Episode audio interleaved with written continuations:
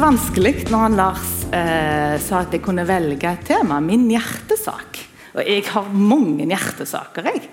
Eh, kunne snakket om eh, ekteskap og samliv, eller jeg kunne snakket om medvandring. Det er jeg opptatt av. Eh, og så ble det det som foregår litt inni meg akkurat nå, som jeg har prøvd å eh, skal formidle til dere. Og det handler egentlig om psykisk helse, for jeg jobber med det. Eh, og jeg holder på å lese meg opp i noe som heter kognitiv terapi. Eh, kognitiv betyr tanke, så det er terapi om tankene våre.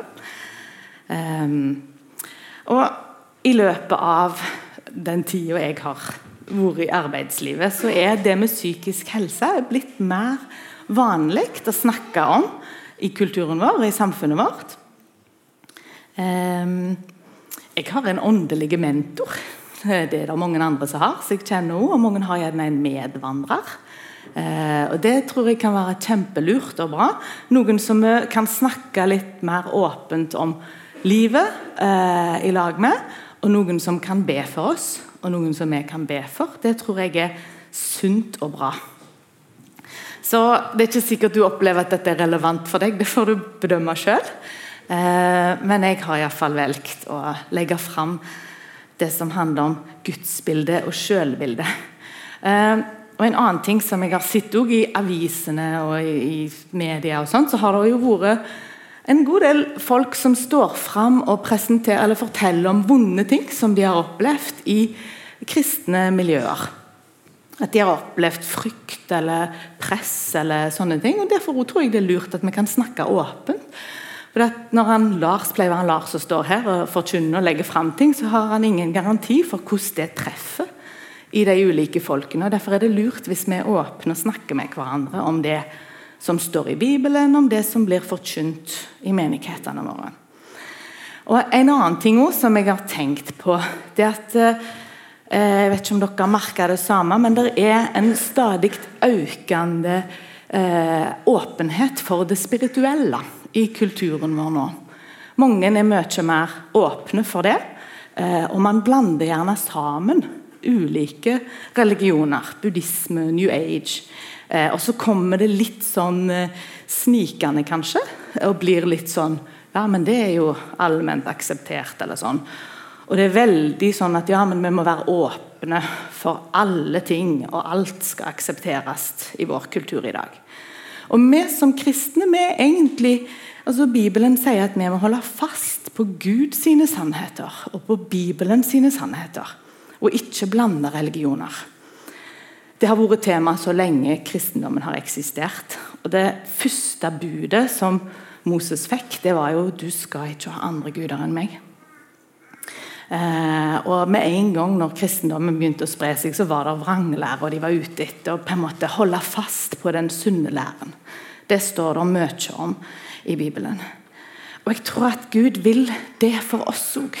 Når Gud lager grenser og regler, så er ikke det fordi at han er så streng. eller sånn. Det er for han vil det beste for oss. Eh, og Derfor så tror jeg at det er viktig at vi vet for våre liv på en måte, at vi kan ha noe å styre etter. At det er noe vi skal si nei til. Um, og Det betyr ikke at vi skal være høylytt rundt det alle veier. Det mener jeg ikke. Vi trenger ikke å skrive med capslook i kommentarfeltene.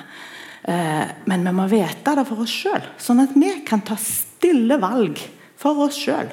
Hvor grensene går. Uh, for hva vi kan takke nei til å være med på å tro og ikke. Ok, det var en lang innledning. Gudsbilde og sjølbilde det handler om vår relasjon til Gud. Hvordan vi ser Gud. Eh, om vår relasjon til oss sjøl. Eh, og om vår relasjon til andre medmennesker. Og Det har påvirkning og betydning for hvordan vi lever kristenlivene våre. Hvordan vi leser det vi ser i Bibelen. Og Et veldig enkelt forklart eh, eksempel kan være en person som kanskje har vokst opp med en veldig streng, autoritær far, kan kanskje lett tenke, eller få automatiske tanker om at Gud er en streng, autoritær Gud. Eller hvis en har et veldig negativt bilde av seg sjøl.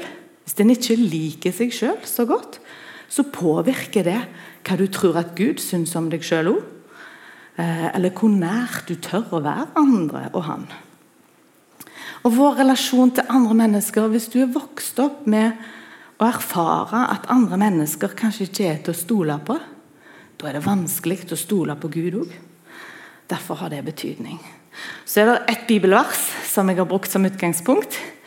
Eh, minneverset for i dag. Jonathan får det opp der, vet du. Fra Romerne 12.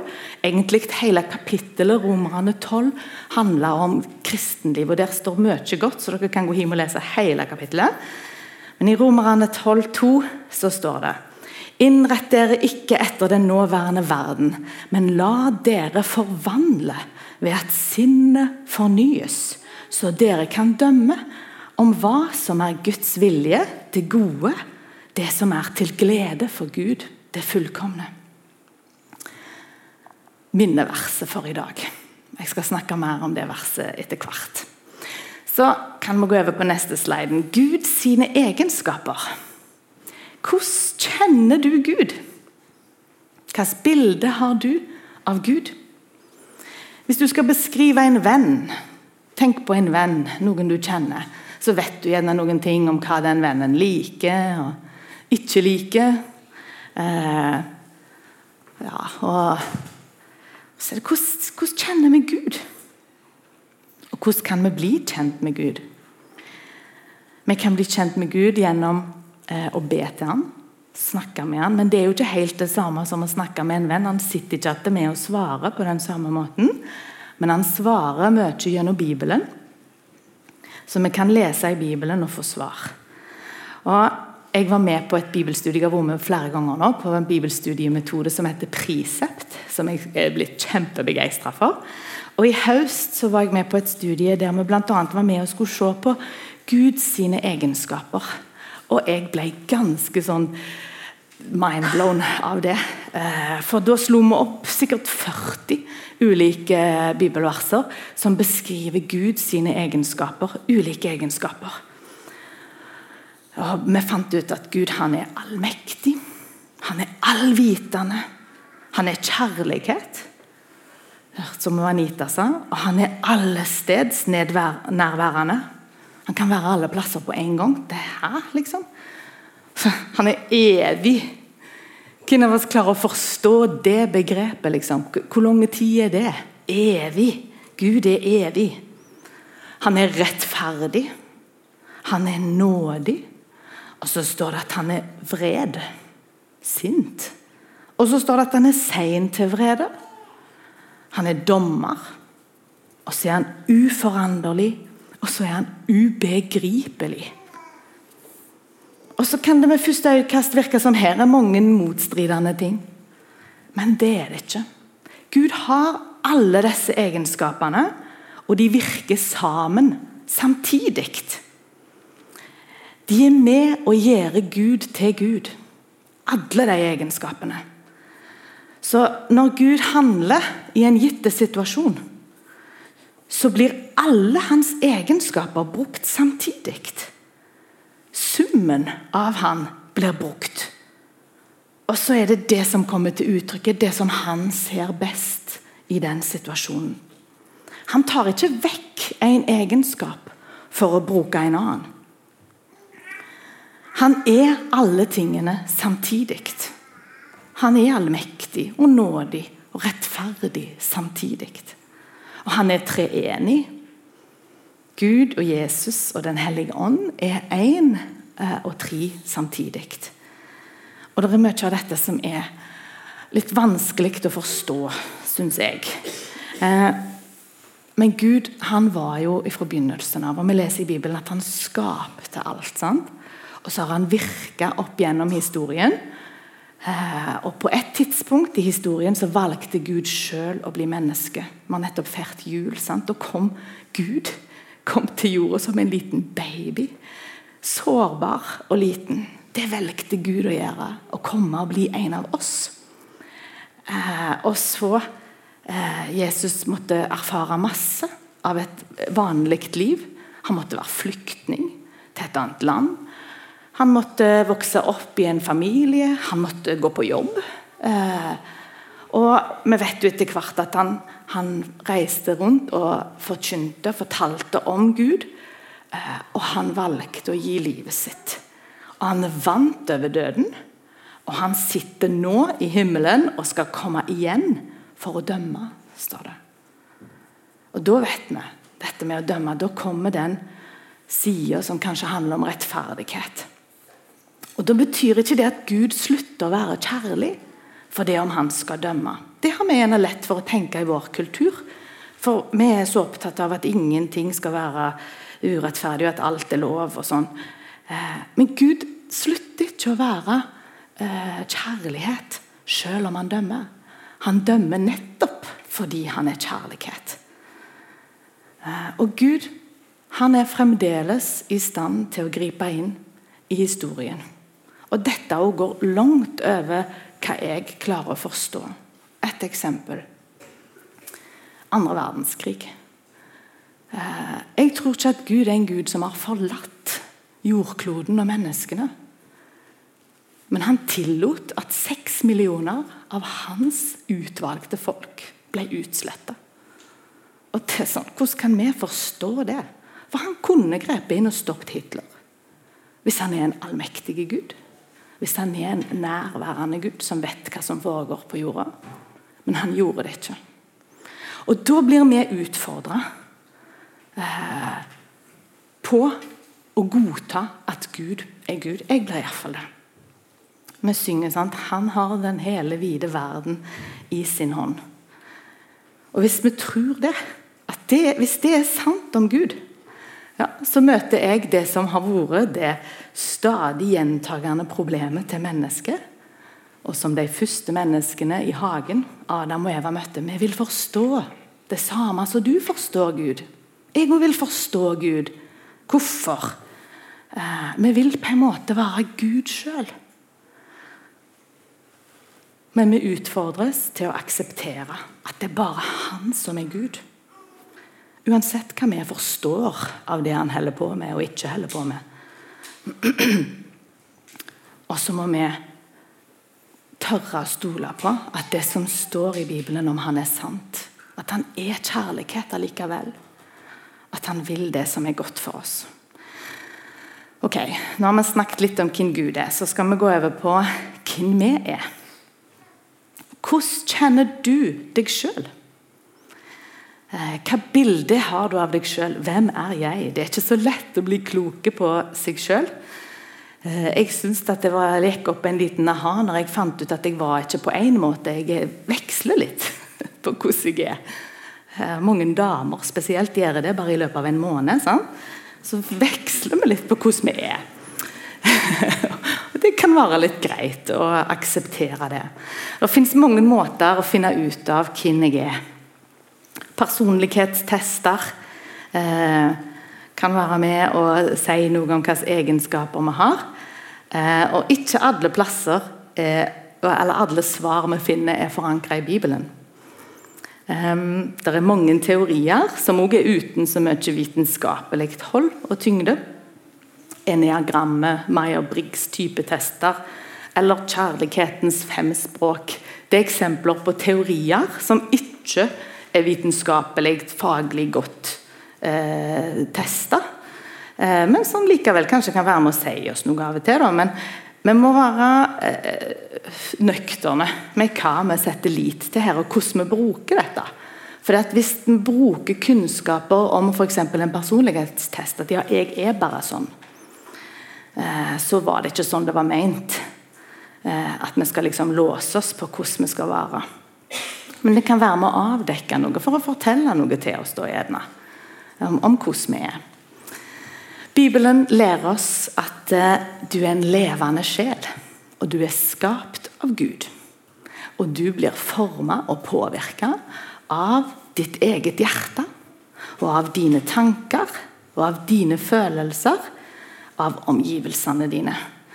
Ordspråkene står det kjent av verset 'bevar ditt hjerte fremfor alt du bevarer', for livet utgår fra det.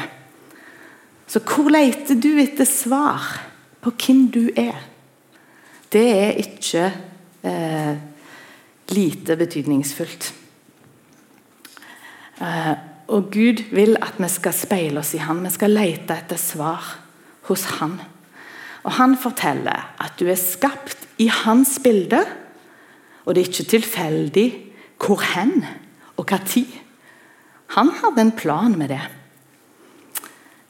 Um, og innerst inne sitter hjertet vårt. Det er en, en uh, amerikansk filosof og teolog som heter Dallas Willard, som lagde en teori på sjelen. Uh, og sier på en måte at innerst i hjertet vårt, uh, eller innerst i sjelen vår, så sitter kjernen. Det er ånden din. Du har en ånd og et hjerte og en vilje. Og Her er kjernen din, og det er ingen andre enn du og Gud som vet hvordan det er innerst i din kjerne. Eh, og Bibelen bruker mange ganger det begrepet 'grunnet på det i sitt hjerte'. Sant? F.eks. i juleevangeliet leser vi om Maria som gjorde det. Og så kommer tankene våre. Tankene våre de er med og påvirkes av det som bor i hjertet vårt. Og I det som heter kognitiv teori, som jeg leser om da, så sier den teorien at tankene de kan styre ganske mye av hva vi føler, og hvordan vi oppfører oss. Og at vi er sjøl ansvarlige for hvilke tanker vi har. Og vi kan endre oss med å endre tankene.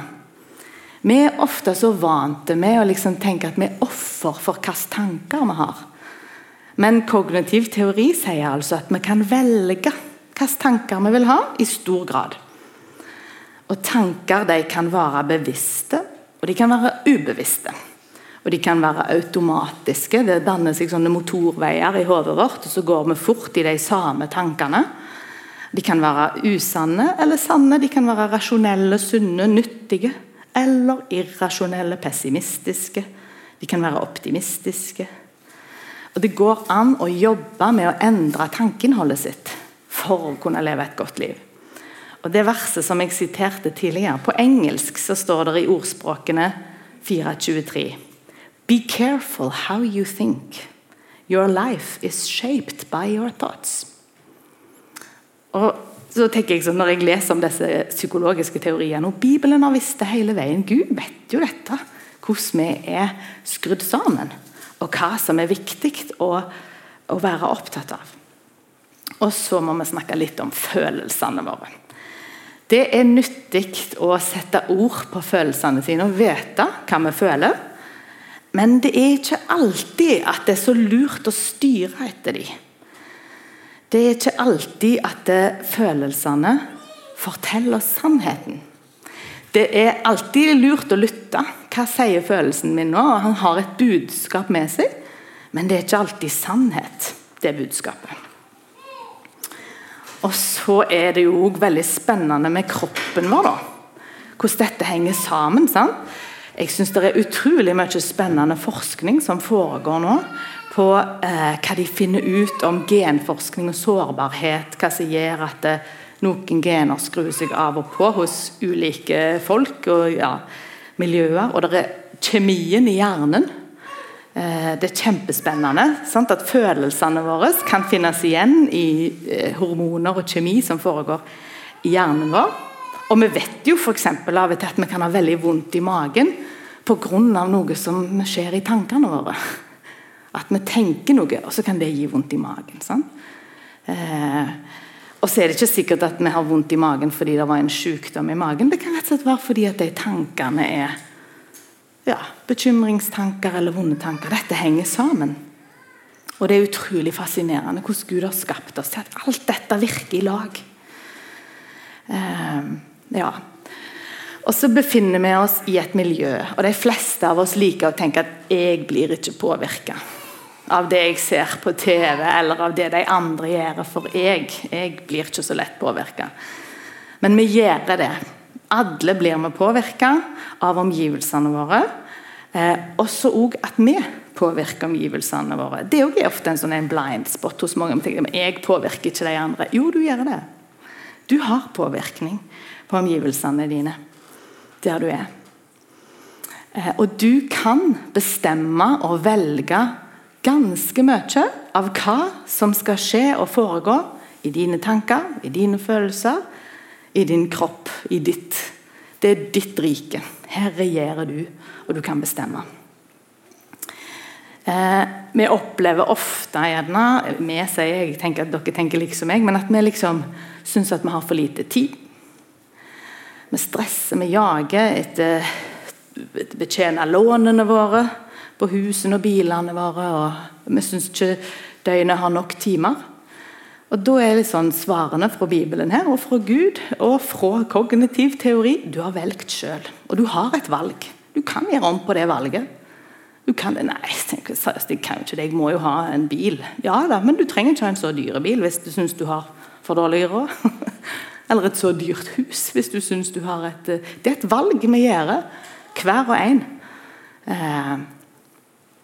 Og vi er voksne ansvarlige og kan velge hvordan vi bruker de 24 timene som vi har fått hver dag. Alle.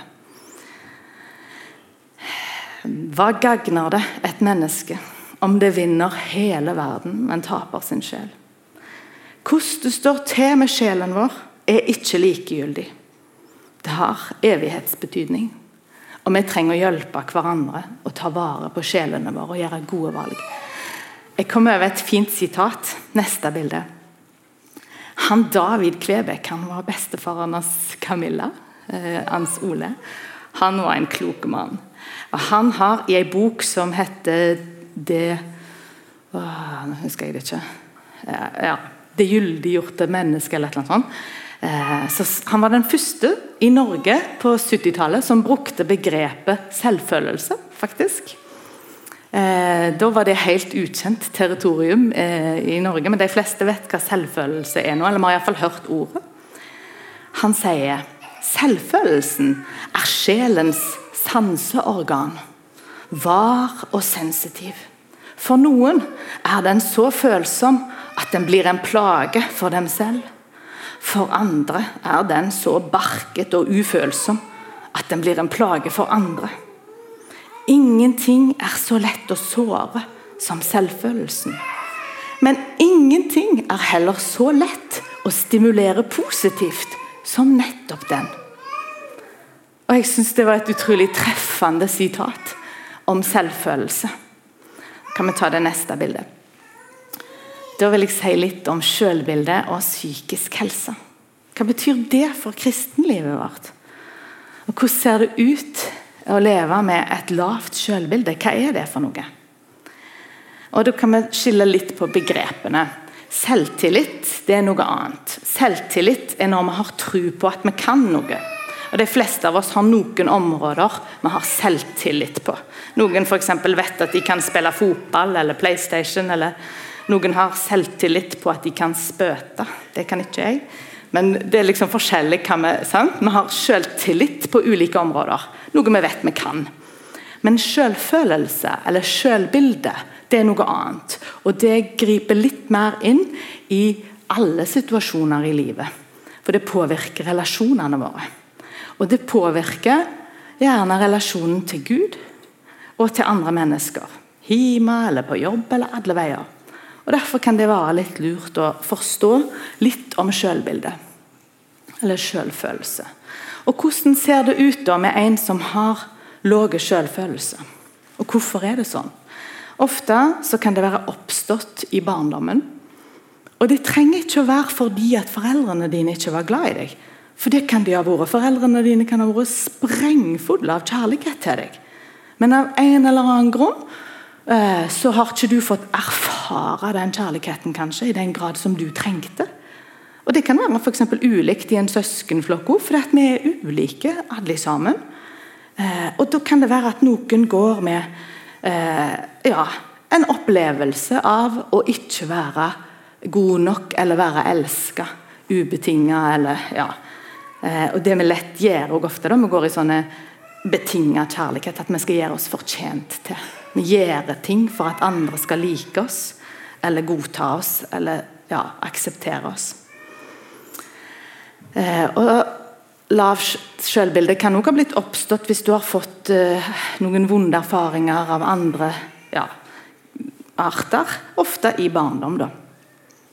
Og det er veldig ulikt hvordan dette eh, virker i ulike mennesker sine liv. Eh, en beskrivelse av hvordan det kan være å leve med lavt selvbilde, kan være som å kjøre bil med håndbrekket på. Litt slitsomt i veldig, veldig mange situasjoner. Det flyter ikke helt sånn som ting skal. Og Kjennetegn på det kan være at vi lett tenker nedsettende tanker om oss sjøl. Eh, jeg må si en ting til før jeg sier om det med kjennetegn. For vi ser ganske tydelig forskning på nå, etter 2010, når de sosiale mediene tok av, at mange av de som har vært unge fra den tida fram til nå, har dårligere eh, selvbilde de sosiale mediene påvirker mye på dette. Så de unge på en måte er veldig utsatt for dette. Og Det kan være at vi tenker negative tanker om oss sjøl. Og når vi har et lavt selvbilde, da, så er det ikke så lett å verken gi eller å ta imot kjærlighet. Det er ikke så lett å ta imot tilbakemeldinger eller innrømme feil. Um, og Det kan være en typisk ting at etter man har vært ute på noe i lag med noen andre, en bibelgruppe eller en forening eller en sosial, så ligger man og tenker Sa jeg noe feil nå? Kommer de andre til å tenke at jeg er dumme nå? Eller har jeg ødelagt for noen av de andre nå? Eh, tenker de at jeg er dumme? Og så tenker man nedsettende tanker om seg sjøl. Trykker seg sjøl ned. Og I kristne settinger så kan det til og med av og til bli oppfatta som ydmykhet, men det er det ikke. Det er falsk ydmykhet. Eh, og Det kan være vanskelig å møte livet med et lavt selvbilde. Det som er bra, er at dette kan endre seg. Dette går an eh, å på en måte jobbe med, bli bevisste på, erkjenne og forstå. Eh, og ikke gi etter for alt det negative som kanskje de tingene forteller deg. Da. Og eh, Sånn som jeg nevnte i stad, litt om det med kognitiv teori, da, så oppdaget jeg at en av de liksom, viktige prinsippene i kognitiv teori, det var at du er ansvarlig for dine tanker og følelser og handlinger. Og at vi må akseptere at vi har makt til å gjøre gode valg for oss sjøl og gode valg for andre.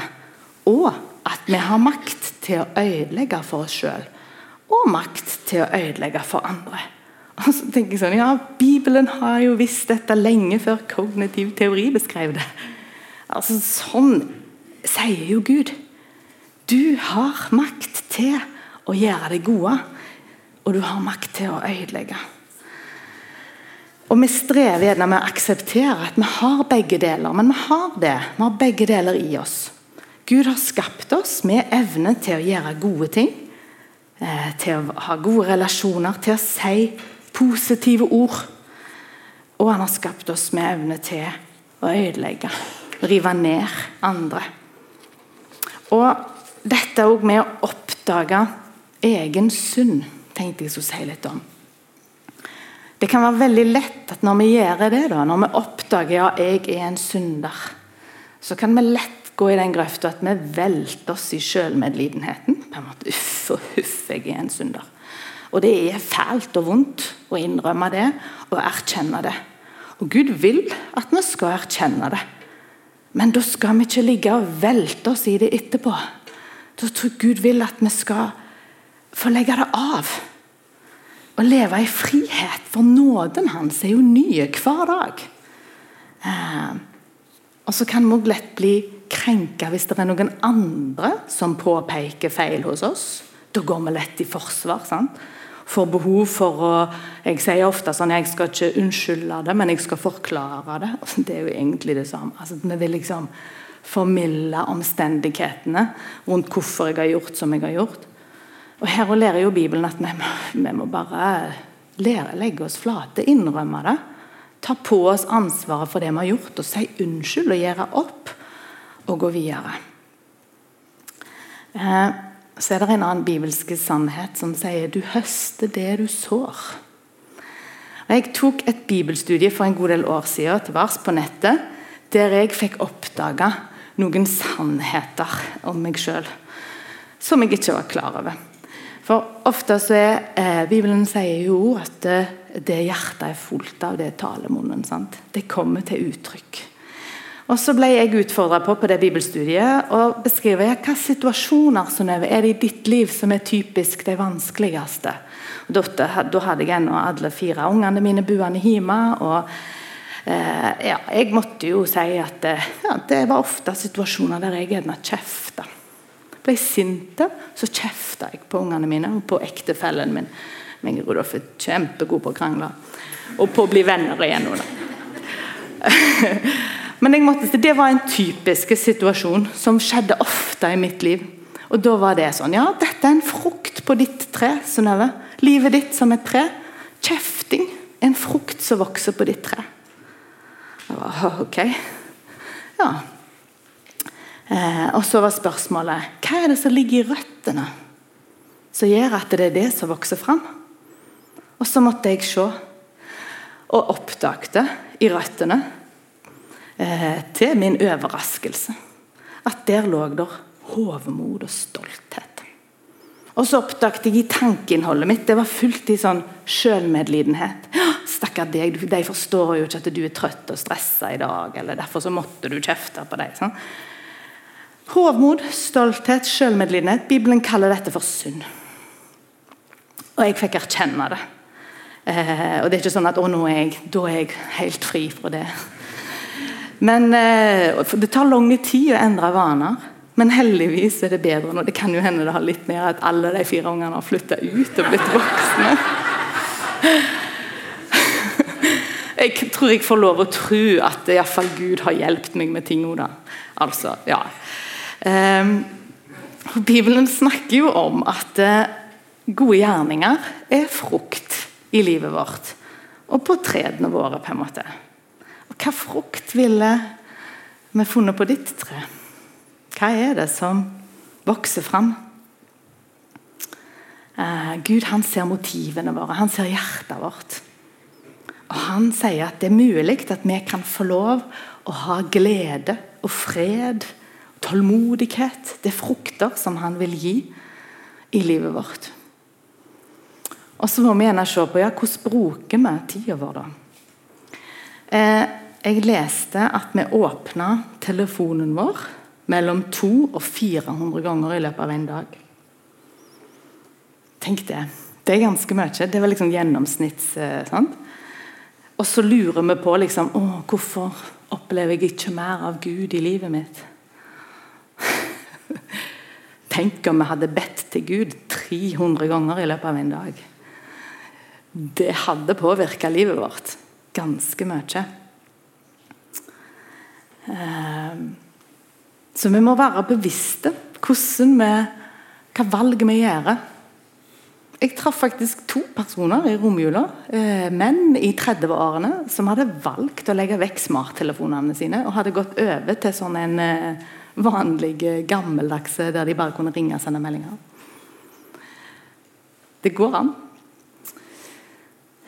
Og hvordan kan vi være med og bygge gode selvbilder? Det er mange ting jeg liksom sier på en gang nå, men jeg skal prøve å oppsummere litt for dere på slutten nå.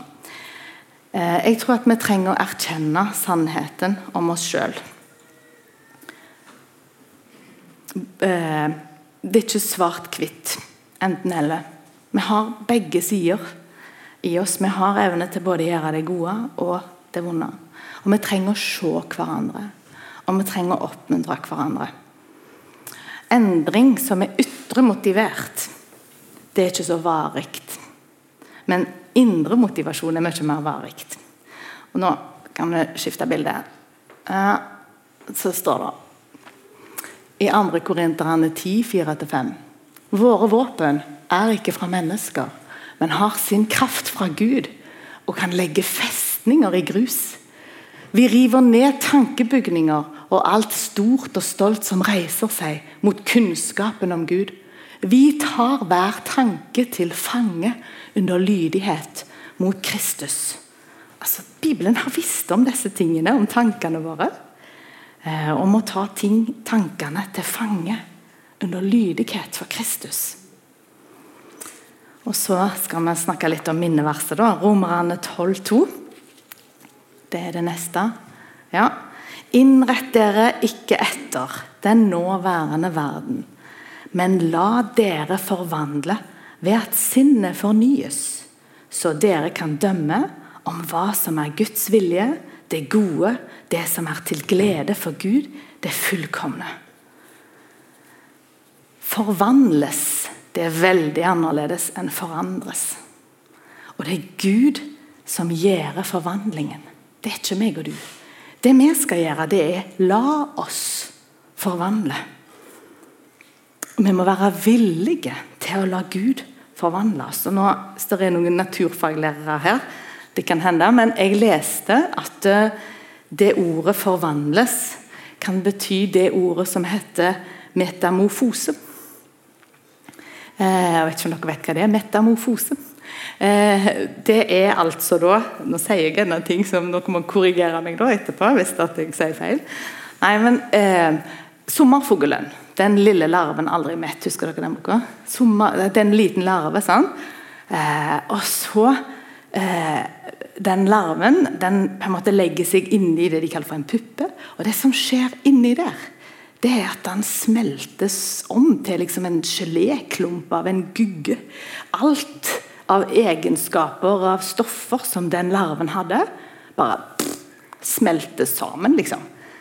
Eh, og så blir han forvandla, metamorfose, eh, til en sommerfugl. Og sånn kan det være med oss når vi kan komme til Gud og la oss forvandle.